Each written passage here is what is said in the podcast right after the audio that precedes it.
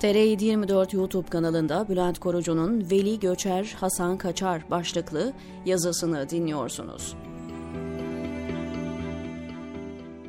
Herodot Cevdet her zamanki seremoniyle girdi kahveden içeri. Selamun aleyküm kahve milletinin insanları. Toplanın bakalım size bugün çok farklı bir hikaye anlatacağım. Hep yaptığı gibi ölüyü yanına kirliyi karşısına aldı ve anlatmaya başladı. Kafka diye bir yazar ve onun Metamorfoz romanından bahsedeceğim. Romanın baş kahramanı Gregor Samsa bir sabah uyandığında bir böceğe dönüştüğünü görür.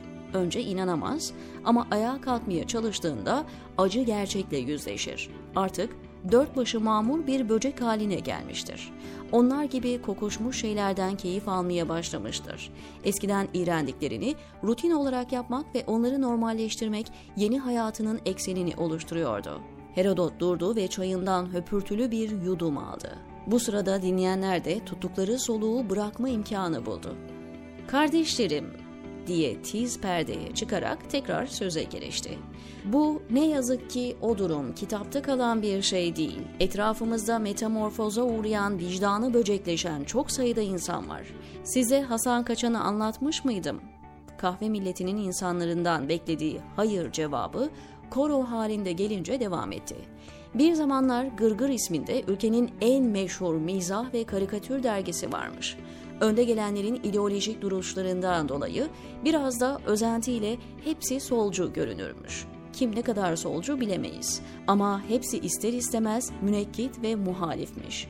Zira muhalif olmayan mizah saray soytarılığına dönüşürmüş.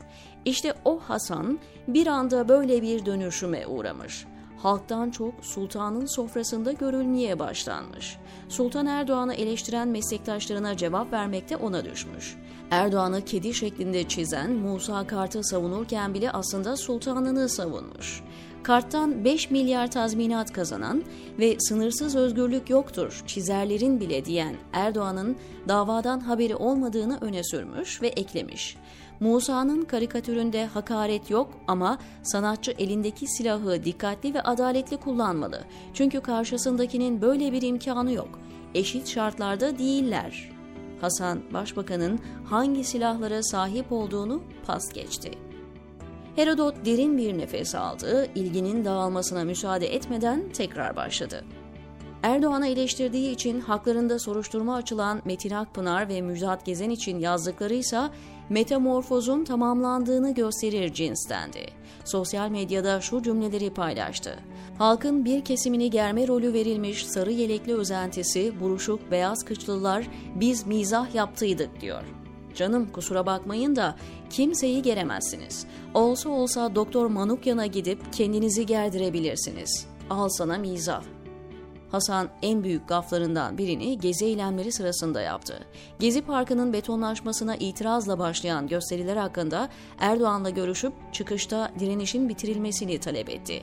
Gidip görmediği ortamla ilgili banyo yok, yiyecek yok, korkunç bir şekilde idrar kokuyor, pislik kokuyor, bir insanın yaşayabileceği durumda değil artık Gezi Parkı dedi.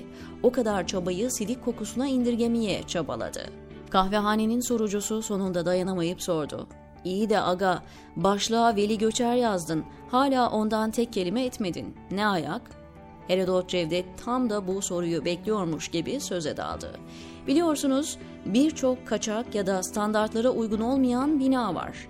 Devlet paraya sıkıştıkça ya vergisini ödemeyenle anlaşıp af çıkarıyor ya da kaçak yapıları rüşvet karşılığı yasal hale getiriyor.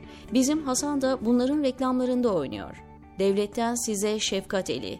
Kayıtsız yapılan binalarınız kayıt altına alınıyor. Korkmayın.